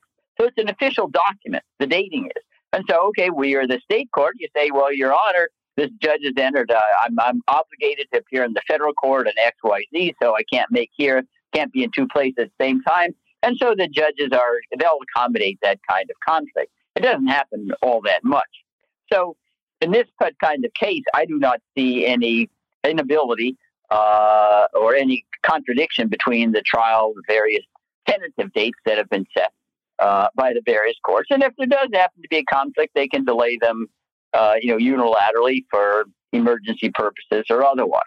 But I, did, I all the scheduling stuff I think is grossly inflating what what the gist of it is.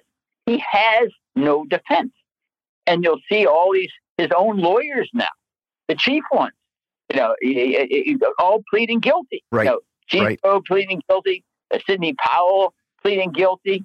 Uh, probably, I think John Eastman's going to plead guilty. I think we have this Jenna Ellis pleading guilty. These were all one of the really, really far right people, you know, who are claiming that China was, you know, changing votes by putting straw in some of the voting battalion. I mean, stuff that really is, is, is, is outer space. Mm-hmm. And they're pleading guilty. And part of the guilty pleas include you're going to testify against Mr. Trump. And that's part of their obligation.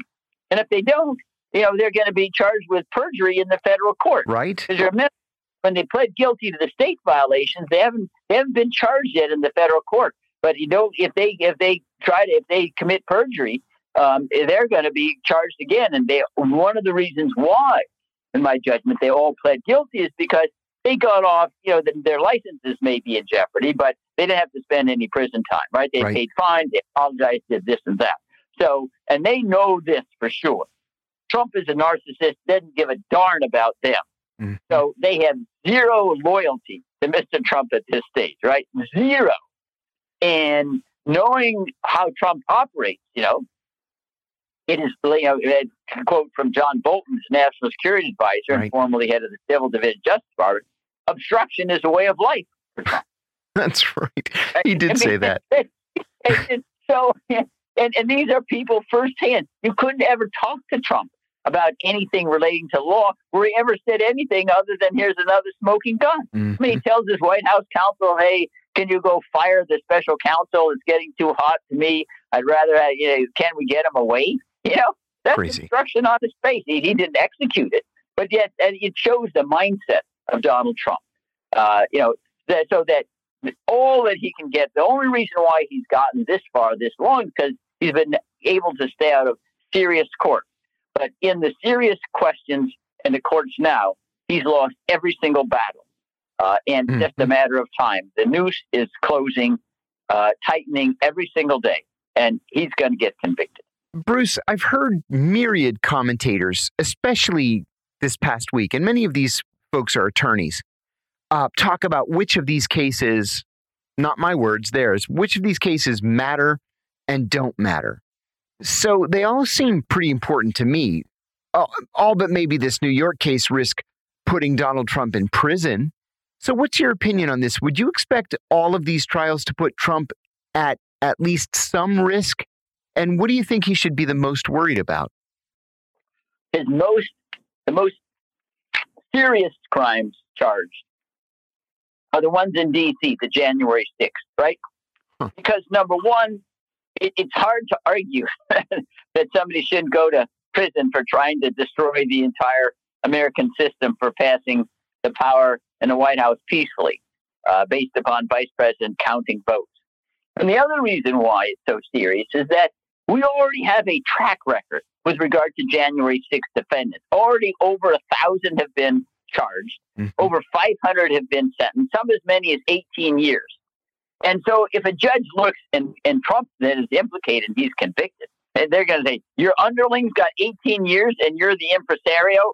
You, you know, that's the that's the, the, yeah, good point. floor, not the ceiling. Right. And so there's no way you know, that a judge would be at all uh, inclined, given this huge number of other persons who were participating in January 6th at the incitement of Trump, that he's going to get away with anything less than a very, very stiff sentence.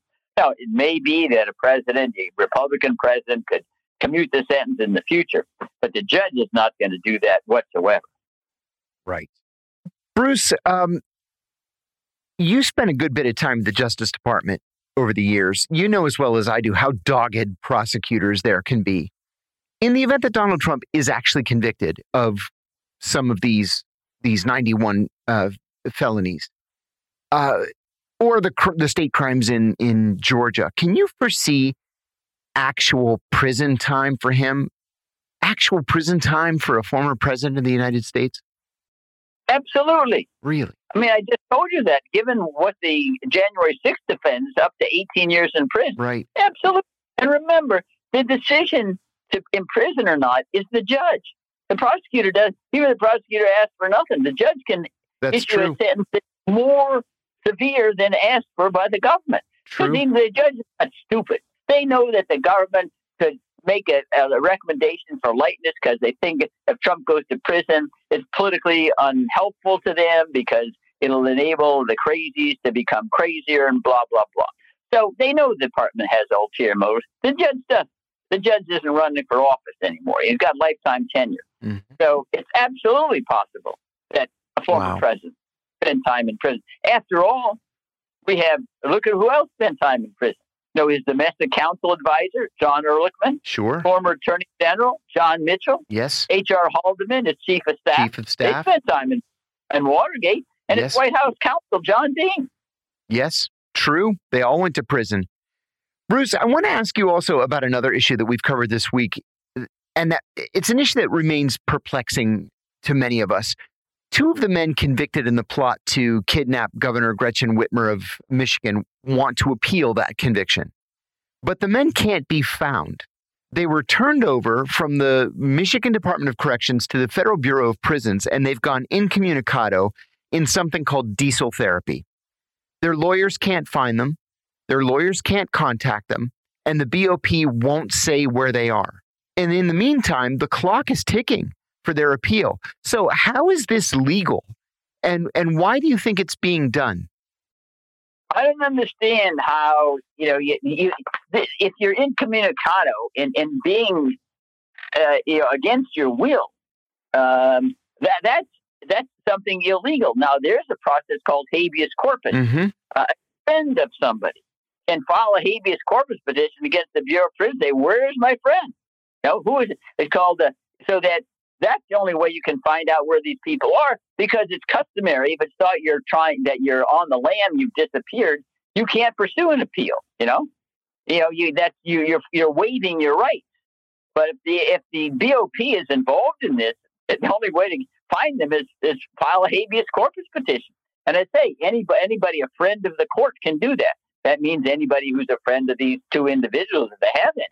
uh, other than that, you know, they're in a dark hole, and this is. and then if you without habeas corpus, there aren't any other remedies. Mm-hmm. Mm-hmm. Bruce Fein, we really appreciate you taking the time. Bruce is a former Associate Deputy Attorney General of the United States, and he's one of this country's leading constitutional scholars. I encourage you to check out his work on his Substack. That's www.brucefein.substack.com. And before we go to news of the weird, I wanted to tell you, and I have no idea how this slipped past me, but a nurse in Pittsburgh, a nurse in Pittsburgh has been arrested and charged with trying to kill 19 patients. Whoa. They've charged her with two counts of murder. They're going to add two more counts of murder, 19 counts of attempted murder, and they may up that to 36 counts of attempted murder. And how did she do it? She did it the way all these other medical professionals, serial killers did it by injecting patients in the middle of the night with insulin, Mm. which can't be detected in an autopsy. And if the insulin didn't kill them, she would inject them with air Yeah. to give them a heart attack. So they finally caught her in the way they always do when somebody says, you know, when she's on duty in the middle of the night, all Lots her patients die. die. Yeah. Yeah. She's The- 41 years old. Her name is, is Heather Pressdee. And uh, as soon as the, the cops grabbed her, she just confessed to everything. Here's my question.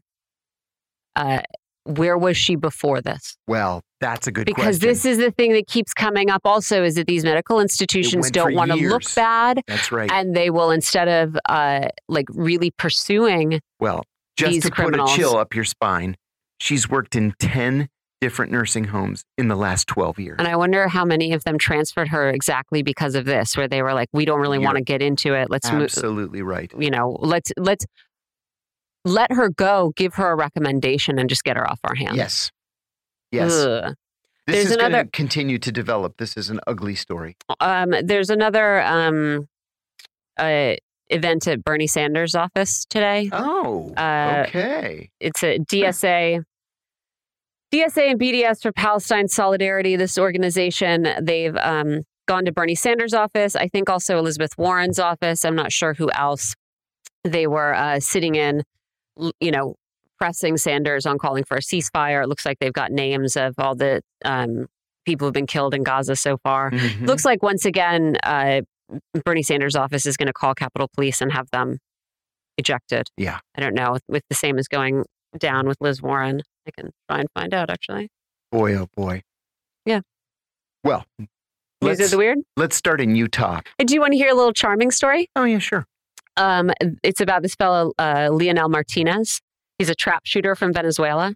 Uh, he left the Summer Games in 1984 without making the podium. And at 60 years old, with trap shooting back in the Olympics, he's about to try again. Outstanding. I love stories of older athletes. I love them so much. Oh, As listen, someone who's taken up a sport relatively late, I like uh, it. It's great. The, yeah, it's really the cool. entire Greek Olympic curling team, you know, that heavy stone that you you do the brush real quickly to make it hit the thing in the middle.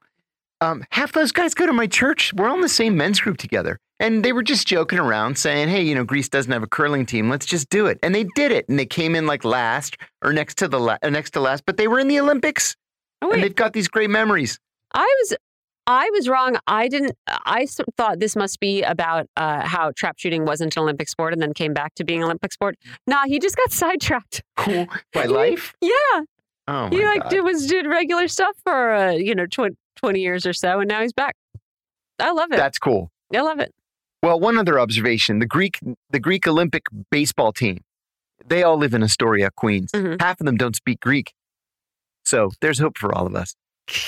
I, Okay. I'm going to spend my whole life not speaking Greek. Utah. City officials in Grantsville, Utah, took to Facebook on October 18th to demand that a Halloween display centered on a street sign be removed. Okay. Remember, this is Utah. The tableau featured a skeleton pole dancing while two other skeletons sat in folding chairs with dollar bills in their I think we've seen this happened last year. I think Did this it? is Oh, definitely this happened last week. This has happened before. Yeah, I do. I think this happened. Okay, go on. Well, listen to these holier than thous. Yeah. Quote, displays like this are not acceptable, as it is against city code to attach anything to a street sign. And the pranksters complied. They moved the display to somebody's front yard. I think that sounds charming. I think they should be allowed. I have to tell I you. would I would think it was hilarious, and I'd yeah, take a I'd throw some dollar bills at it myself. They even put a tip jar out. There are some deeply scary decorations in my neighborhood. Really? Like really that. ones that actually made me jump. Wow. One house puts up it's a like creepy doll on a swing and it's really lightweight. So the swing actually blows Oh. and it really looks like a, a malevolent spirit sitting on a swing. Oh, that's cool. Yeah, many uh, you know, all, all hail that house because it is the most genuinely scary. You know, I, I live in a townhouse, and um, this was the fourth consecutive Halloween where we didn't have a single kid come. Oh. Yeah, I feel bad. Bring us your candy for the love of God. That's no one brought any candy into the office. Here's an only in uh, the last one was only in Utah. Okay. This is only in Los Angeles. All right. Have you ever been to the Grove in Los Mm, Angeles? no. I love the Grove. I've only been to LA once. Oh, the Grove is uh it's sort of it's sort of in West Hollywood, like almost in uh, Beverly Hills, but it's they've got a they've got boutiques. It's like an an outdoor mall. And there's a gigantic Barnes and Noble and terrific restaurants and the farmers markets there. I love it. Okay. You can walk around for hours. A gunman shot a guy at the Grove Ooh.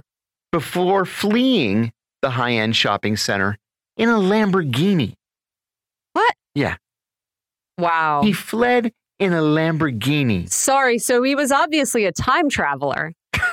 he was a time traveler coming back in time to kill this bad guy who was going to do something really terrible in the future, right? I think he would have been driving a DeLorean, I think. Oh, damn it. but You're right. I always get those two mixed up. the victim walked to the hospital and was later described as being in stable condition. Police said the shooter used a handgun. They had no other details. Get this they got the guy's license plate. Hmm. They have the license plate and they know that he's in a Lamborghini, but it says they haven't identified him and no arrests have been made. I do always mix up Lamborghinis and DeLoreans. I saw a Lamborghini this morning. I saw one a couple months ago. So while Amir Khan and Kat Warren of Washington, D.C., you'll like this, it's Okay. kind of funny. While they were visiting the Eiffel Tower in Paris on October 19th, they became stranded along with other tourists at the very top when a man was discovered climbing the outside of the structure. Ooh, this happens every few years. Yeah, There's sure, like a yeah. human Spider Man, and he, yeah. On hand with the couple was an Associated Press reporter named Patton Eaton Robb, who was also visiting there on vacation. Lucky for them, Eaton Robb caught the moment when Khan decided to propose. He had been planning to propose later that evening at a restaurant, but he says, quote, she always wanted to be proposed to on or under the Eiffel Tower. So I figured this is it. This is the moment. He got down on his knee and he proposed. It says, while romance was in the air atop the tower, police were arresting the climber who was inexplicably carrying a banner that said something about singer songwriter Billie Eilish. Wow. Okay. Hmm. Not, Completely, totally random. she's not going to go out with you. No. No. No, she's not going to go out with you. Huh. That's true. Weird. Okay. Okay. So wait. So hold on a second.